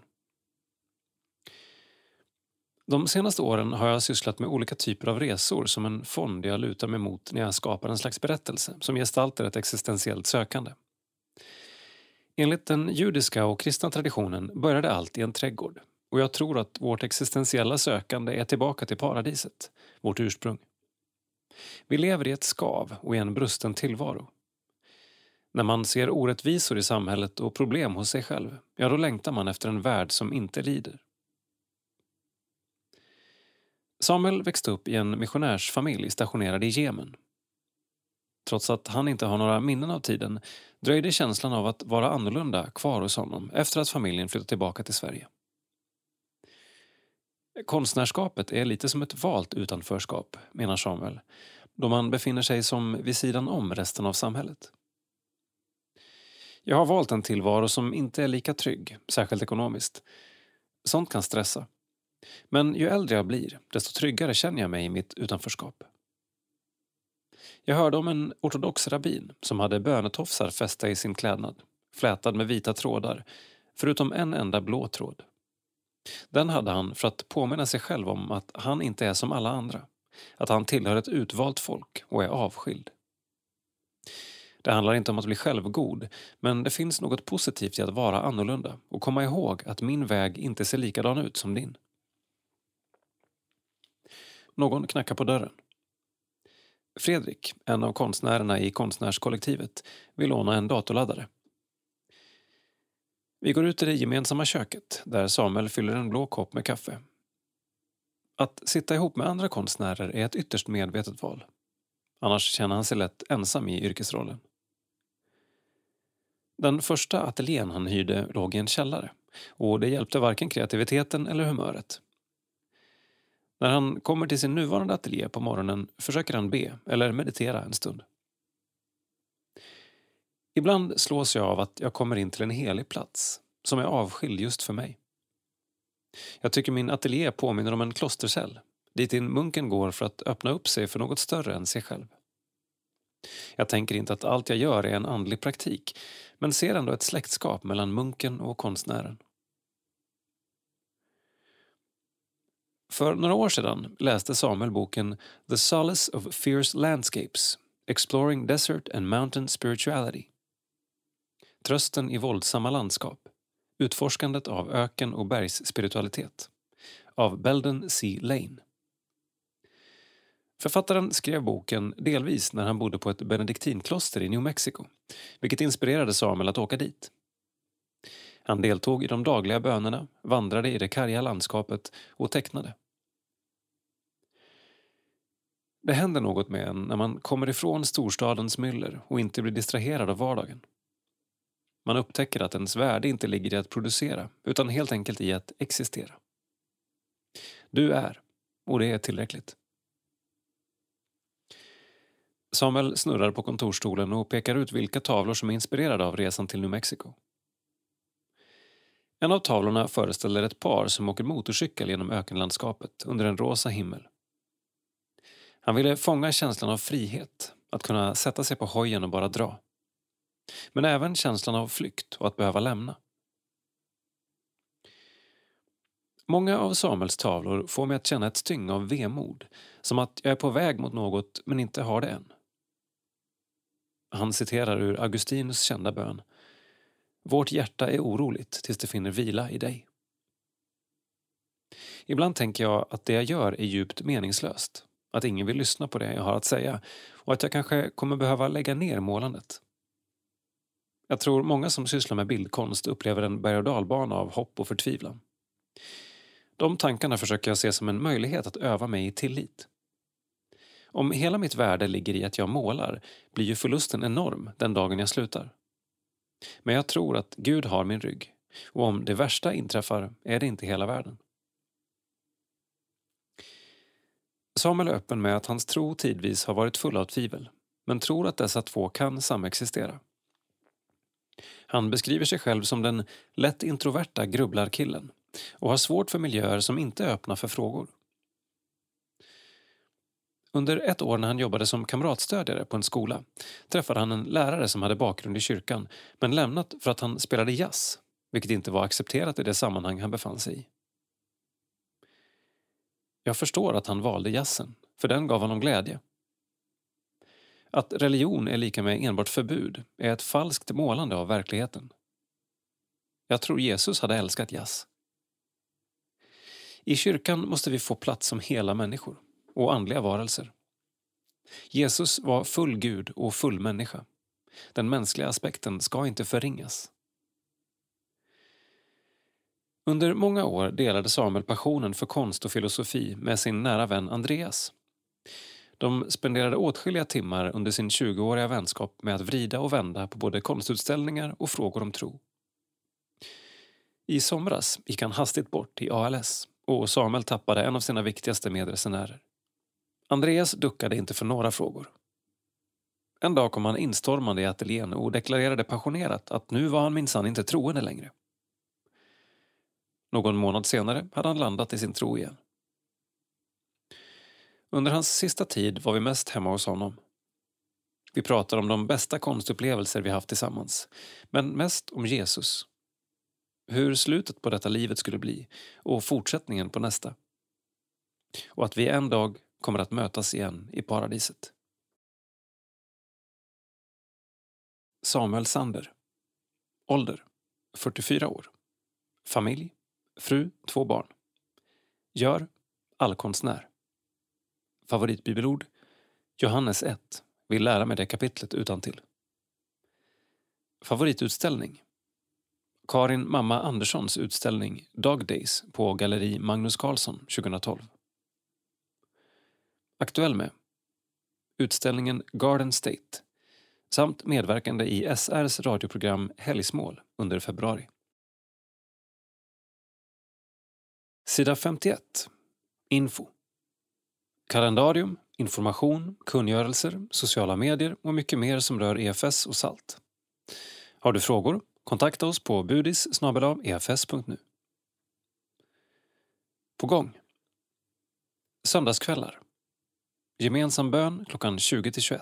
Info finns på efs.nu b.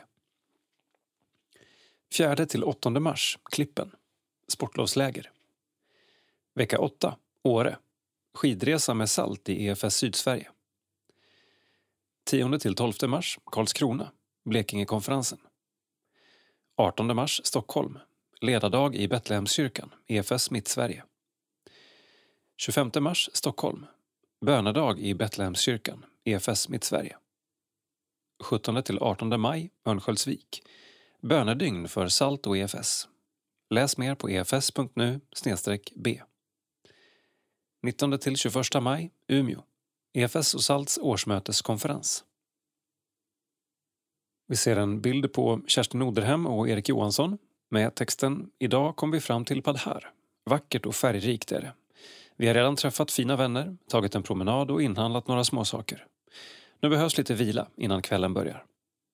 Från Instagramkontot Kerstin Oderhem. Och så en bild på fyra snowboardåkare i en snöklädd backe.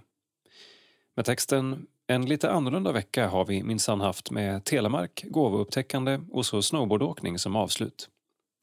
Från Instagramkontot Bibelfjäll. Hallå där, Mats Lindberg, distriktsföreståndare för EFS Västerbotten som är värd för årsmöteskonferensen 2023. Varför ska man åka på årsmöteskonferens? För att möta andra EFS-are som också vill verka för Guds rike. Det är inspirerande att se att vi tillsammans ändå är rätt många och att det finns många som verkligen vill något. Men också för att vi är en demokratisk rörelse där vi tillsammans tar besluten för EFS, vilken riktning EFS ska ta och hur vi vill arbeta framöver.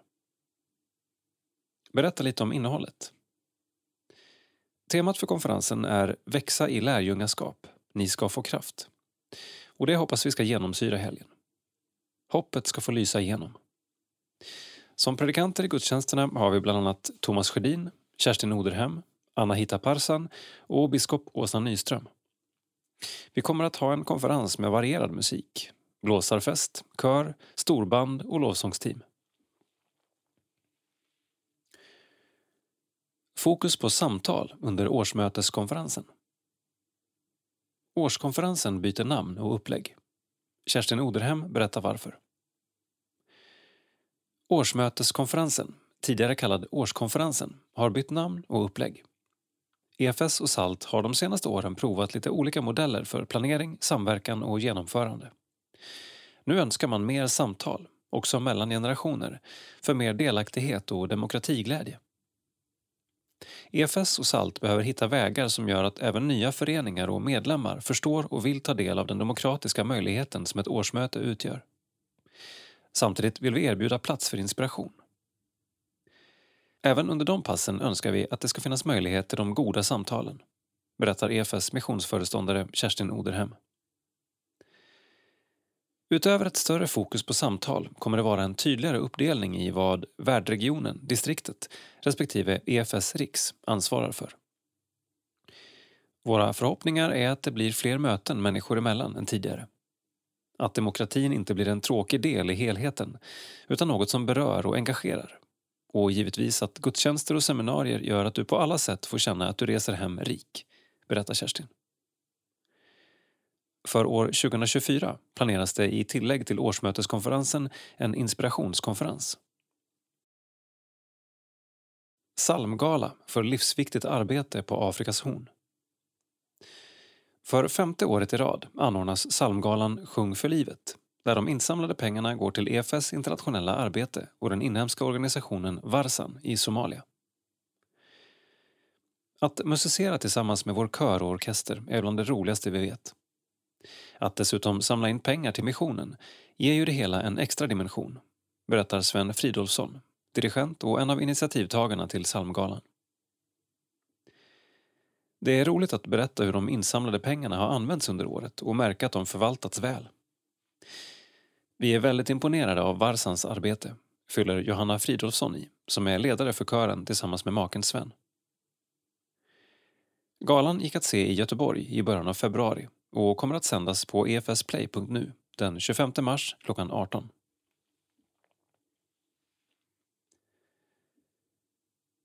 Citat. Med stor glädje kan jag berätta att EFS nu har en insamlingsfunktion på vår Facebook-sida. Tack för allt du gör. Din generositet bidrar till att rädda liv. Slutcitat. Dan Woodrow, produktions och insamlingsansvarig på EFS, om att EFS har blivit godkänt för insamling på Facebook. Med ett enda klick kan du skänka en gåva utan att lämna Facebook och 100% av gåvan går till EFS. Gå in på facebook.com efs nu för att se hur det fungerar. Vem blir årets insamlare? Det är dags att nominera årets mest ihärdiga och kreativa insamlare 2023. I år kommer vi ha ett nytt pris som presenteras vid EFS och SALTs årsmöteskonferens. Man kan nominera en person, grupp eller förening, församling som utmärkt sig i insamlingssyfte. Skicka ditt förslag senast 25 april till budis efs.nu e eller posta till efs att Årets insamlare 2022 box 23001 750 23 Uppsala. Sida 54. Barn i alla länder. Cricket och roliga memes. Reuel berättar hur det är i söndagsskolan och vad han brukar göra med kompisarna. Reuel Lal är 12 år och bor i Padhar som ligger i centrala Indien. Där bor han med sina föräldrar, storebror Suyash, farbror och faster och kusinen Abishua. Sedan Reuel var fem år har han gått i söndagsskolan i den evangelisk-lutherska kyrkan, ELC. Jag gillar kyrkan. Det finns många och trevliga medlemmar och jag känner de flesta av dem, berättar Reuel. I söndagsskolan har Reuel vänner och där tycker han bäst om att sjunga och delta i draman. Samlingen börjar med sångövning och sedan läser barnen upp bibelverser som de fått i läxa. Innan samlingen slutar ber de tillsammans. Både lärarna och barnen kan be högt, berättar Reuel. Reuels favoritlärare är Antti Raksha. Hon undervisar väldigt bra och lär ut sånger och draman. Min mamma ska snart också vara lärare i söndagsskolan. Ibland är Reuel med i gudstjänsten. Det är roligt när vi får läsa bibelverser där framme för alla andra. I kyrkan kan Reuel ägna sig åt ett intresse han har, spela piano. Det verkar som att kompisarna också gillar att spela instrument för de sätter sig ofta och spelar vid gitarren eller trummorna i kyrkan. Oftast brukar Reuel och hans kompisar köra någon sport, som cricket eller fotboll och prata om något roligt, som till exempel memes. Vänskap är en relation byggd på förtroende och teamwork. En bra kompis är någon som hjälper en oavsett vad och motiverar en i svåra tider. Att inte ha några kompisar skulle kännas ensamt. När Reuel funderar över kärlek och gemenskap säger han att kärlek är det som människor har i sina hjärtan. Det finns många slags kärlekar, som kärlek i familjen och föräldrars kärlek.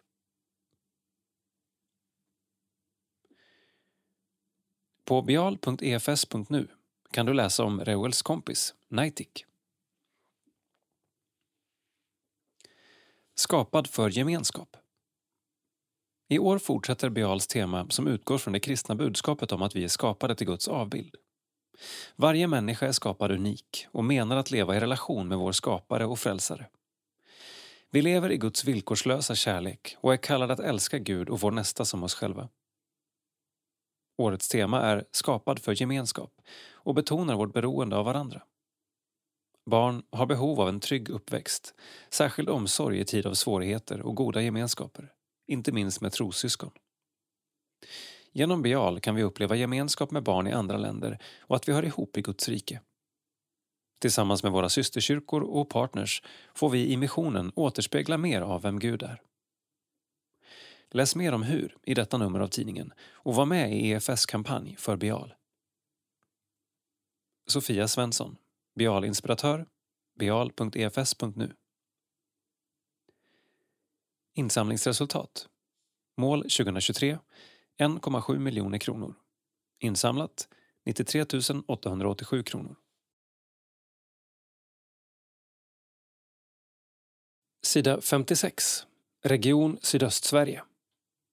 Visionerna blir verklighet. Sedan starten har det hänt mycket i Kristdala och riktningen är tydlig. Gudstjänstlivet och gemenskapen går hand i hand. Text och bild Kärell Sånglöv. När Kristdala samarbetskyrka bildades 2017 var förhoppningen att Kristdala missionsförening och Döderhults församling tillsammans skulle kunna nå fler med evangeliet om man slog ihop sina krafter. Nu går Kristdala samarbetskyrka in på sitt sjunde år och man har börjat hitta bra former för samarbetet. Strax efter det att samarbetskyrkan bildades började man diskutera hur kyrkorummet skulle kunna anpassas efter dagens behov och inför framtiden. En projektgrupp bildades som snabbt kom på idén att lyfta bort några bänkar längst bak i kyrkan för att skapa plats för ett pentry och bord där man kan sitta och umgås med en kopp kaffe efter en gudstjänst. En annan idé som förverkligats var att omvandla den ovanligt stora sakristian till ett sidokapell för andakter och mindre förrättningar. Under renoveringstiden flyttades gudstjänsterna till Missionshuset och i juni 2022 kunde kyrkan återigen öppna sina portar till allas glädje. Varje onsdag träffas daglediga för morgonbön i Kristuskapellet, före detta sakristian. I höstas provade vi även på församlingsfrukost där folk i alla åldrar samlades till frukost och gemenskap före högmässan. Skinkan tog slut, något som bara är glädjande när fler kommer än man har räknat med. En annan av samarbetsrådets visioner var att nå barnfamiljer. Kristdala är en levande bygd dit många barnfamiljer valt att flytta de senaste åren. Det är hemvändare som flyttar hem när de själva skaffat familj samt andra som känner en längtan efter att bo på landet. Därför ansökte man om bidrag från regionen för en projektanställd barn och ungdomsledare. Årets åtta konfirmander är ett resultat av den satsningen. Det är härligt. Men vi vill inte bara nå barn och ungdomar utan även deras familjer. Ett par gånger varje termin samlas vi till After Week där vi bjuder på kvällsmat och gör något kreativt tillsammans.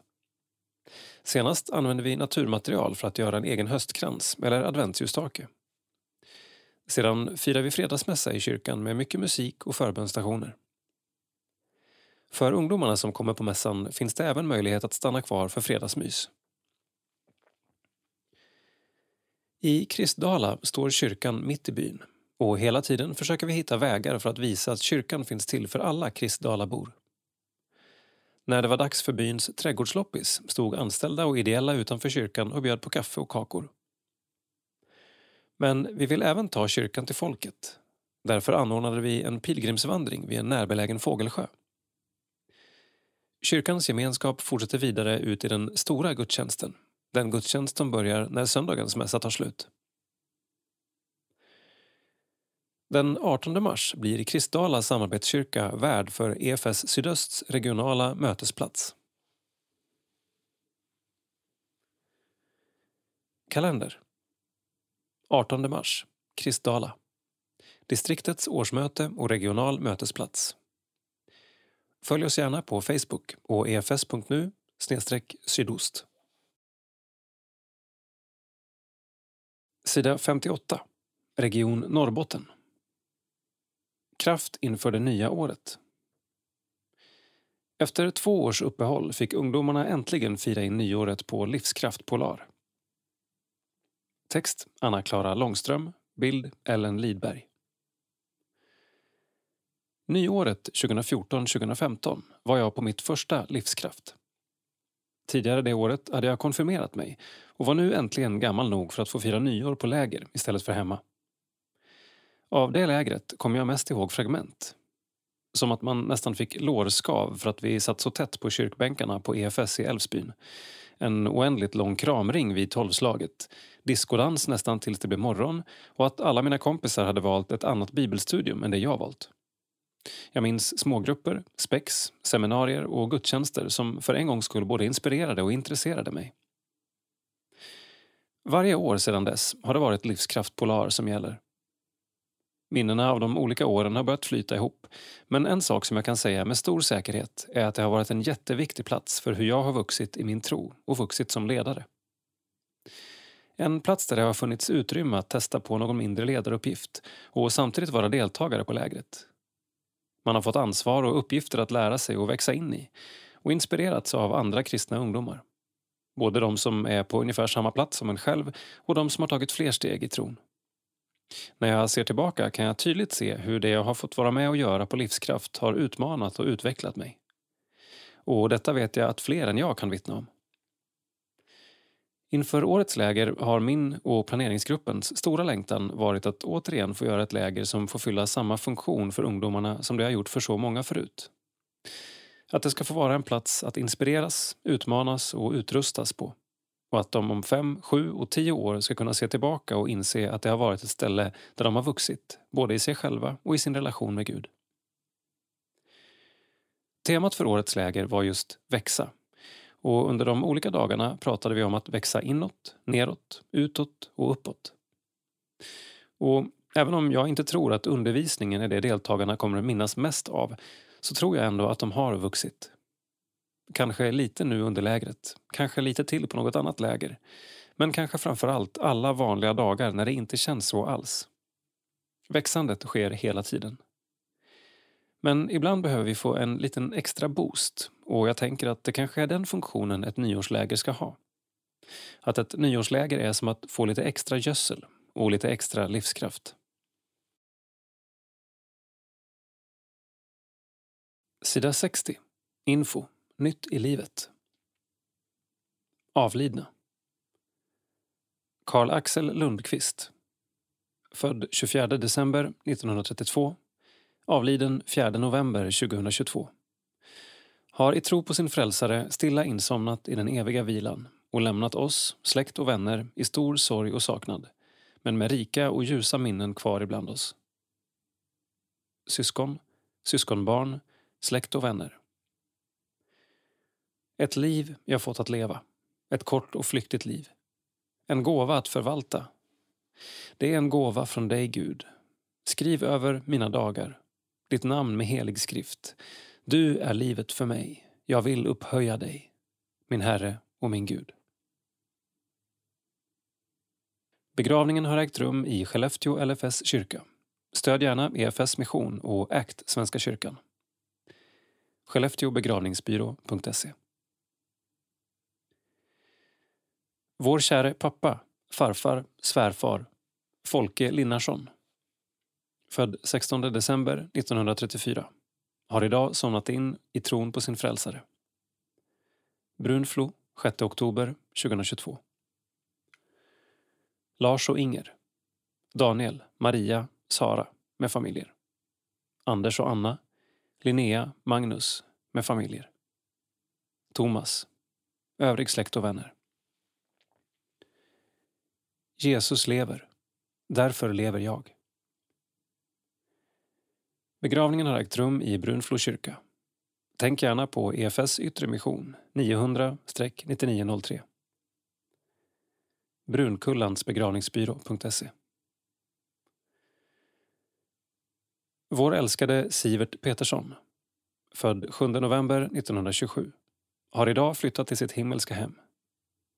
Jönköping, 10 december 2022. Margareta, Lennart och Gunnel, Johan, Maria, Daniel, Kristoffer med familjer. Begravningen har ägt rum i Dalvikskyrkan. Tänk gärna på EFS mission. Gåvor förmedlas genom ankarbergs.se minnesrum.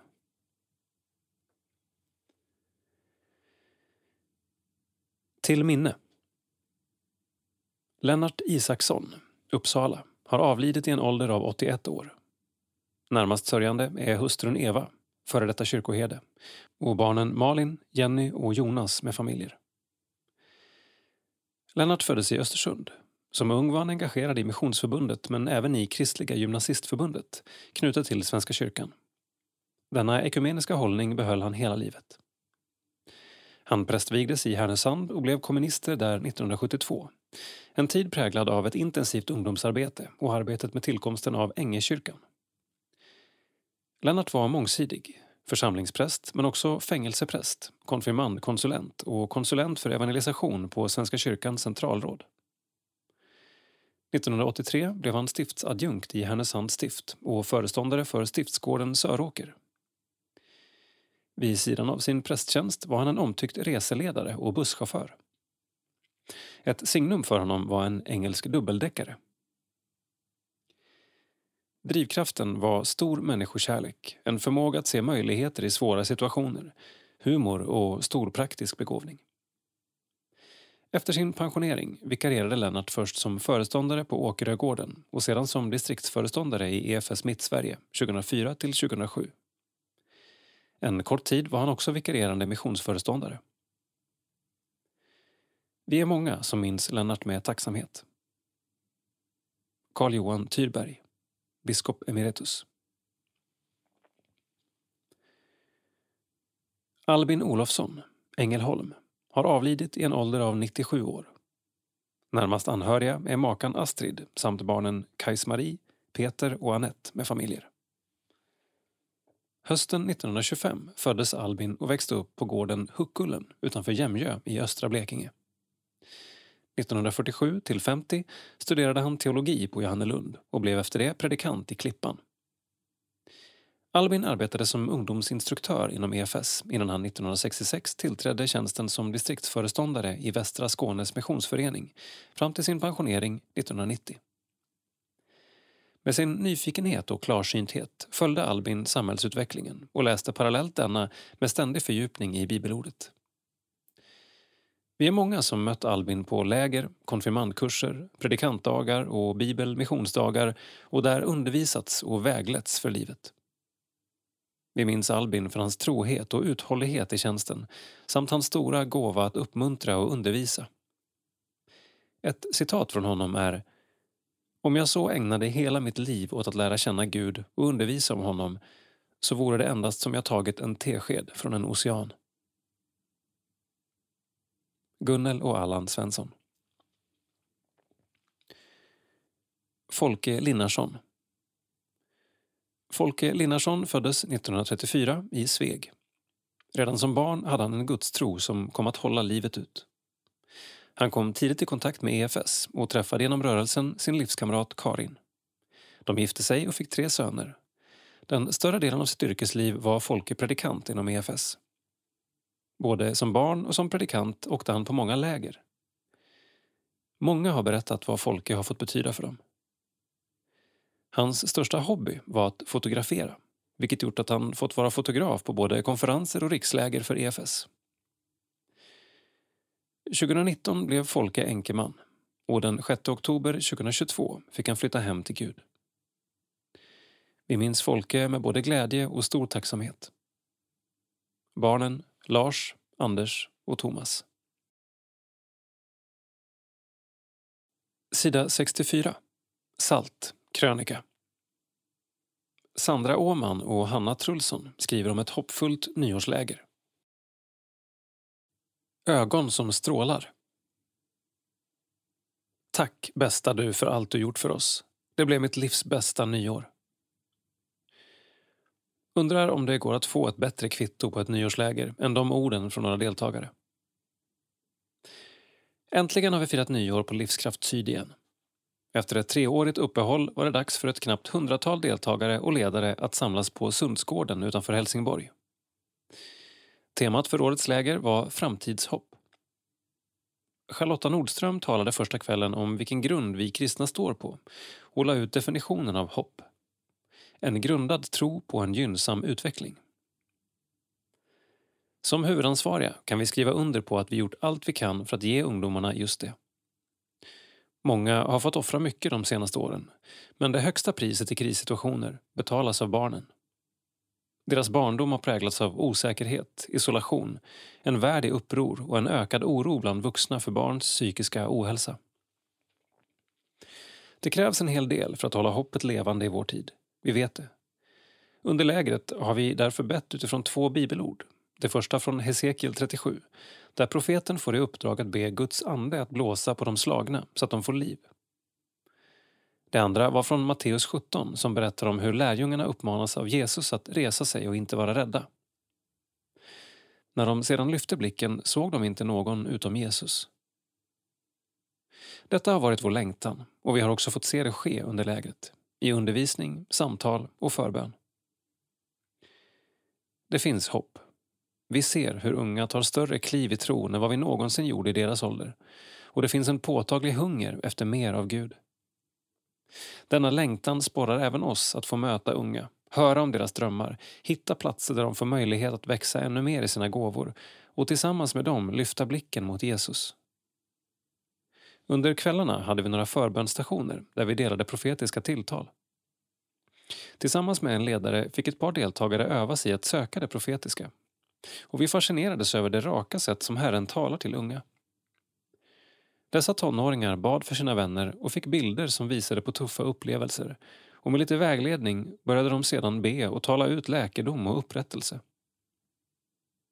Det finns få saker som slår högre än att se Gud verka aktivt i en människa och ögon börja stråla. Vi får påminna oss om att vi tjänar en Gud som inte bara möter oss där vi är utan också leder oss framåt. Vi lämnar lägret med en god eftersmak och övertygelsen att vårt engagemang är viktigt. Vi har ju ett levande hopp, Jesus Kristus, och framtiden med honom är ljus.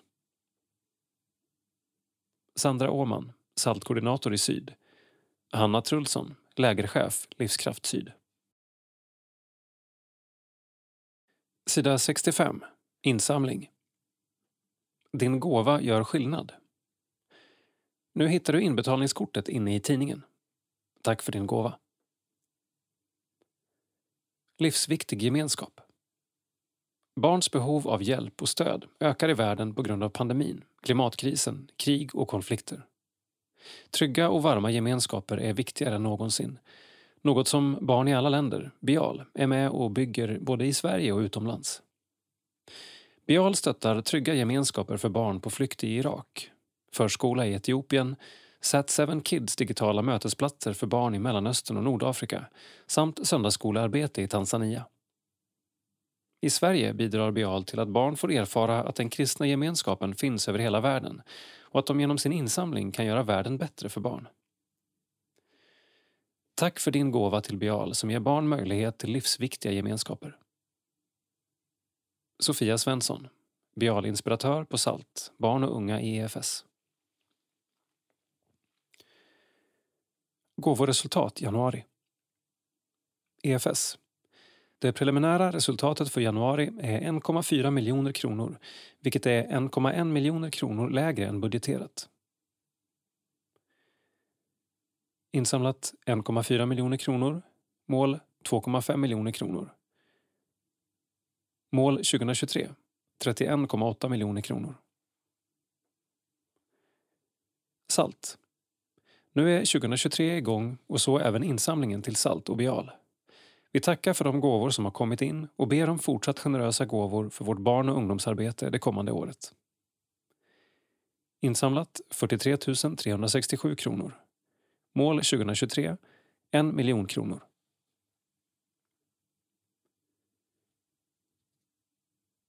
Tack för att du har lyssnat.